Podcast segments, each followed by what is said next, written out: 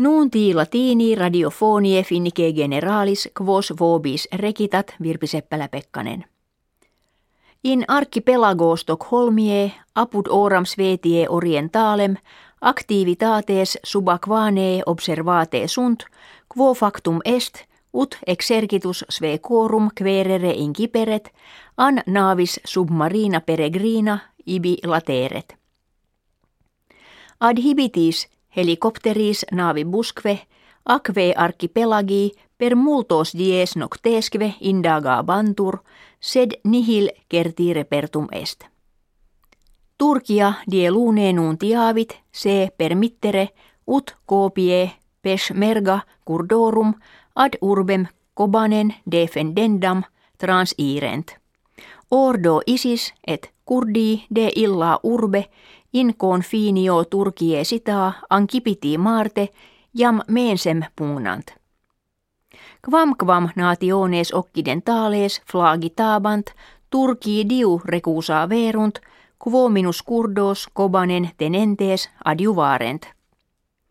Synodus particularis episcoporum in Basilica Vaticana die septimo mensis octobris missa pontificali festiva aperta est.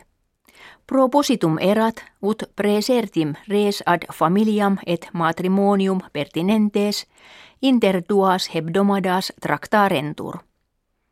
In homilia sua Papa Franciscus episcopos his verbis ad magnitudinem animi et humilitatem ad hortatus est. Conventus synodi inquit non instituti sunt ut de cogitationibus pulcris et singularibus disceptaretur aut videretur quis maiore gauderet intelligentiaa. Instituti sunt ut vinea domini melius coleretur et custodi retur. Dominus a nobis poscit ut de familia sollicitudine affecti simus. Eventus autem synodi spem pape fefellit nam major pars episcoporum consilium rejekit quo homosexuales matres celibes et conjuges post divortium de nuo matrimonio juncti ab ecclesia catholica probarentur.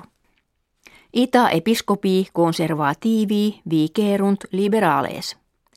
Papa Franciscus quidem ipse de homosexualibus dixit, quis ego sum ad judicandum. Diebus septimo et octavo mensis novembris Pontificia studiorum universitas Salesiana conventum Rome habebit, qui imprimis ad cultores lingve latine et linguarum classicarum spectat. Oratores principales erunt professores Wilfrid Stroh monacensis, Kurt Smolak vindobonensis, Dirk Sacre lovaniensis, qui summi in orbe terrarum latiniste hodie judicantur. Argumenta orationum quas illi latine habebunt erunt primo. Sermo latinus sermo immortalis. Secundo.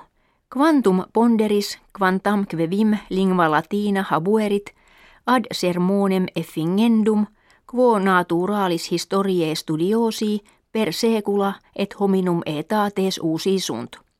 Tertio qui latinitatem regentii vel regentiore coluerint etate. Hoc tempore cygni in regionibus arcticis nidificantes ad migrationem congregantur. In partibus finnie septentrionalibus greges complurium norum cygnorum visi sunt, qui multos dies uno loco manentes ex fundo lacuum vel stagnorum – kibum effodiunt et requiescunt. Aquis congelatis ad fretadanie vel litoras vetie meridionalis ad hiemandum proficiscuntur. Nuntis latinis ita finitis gratias auscultatoribus agimus et valedigimus.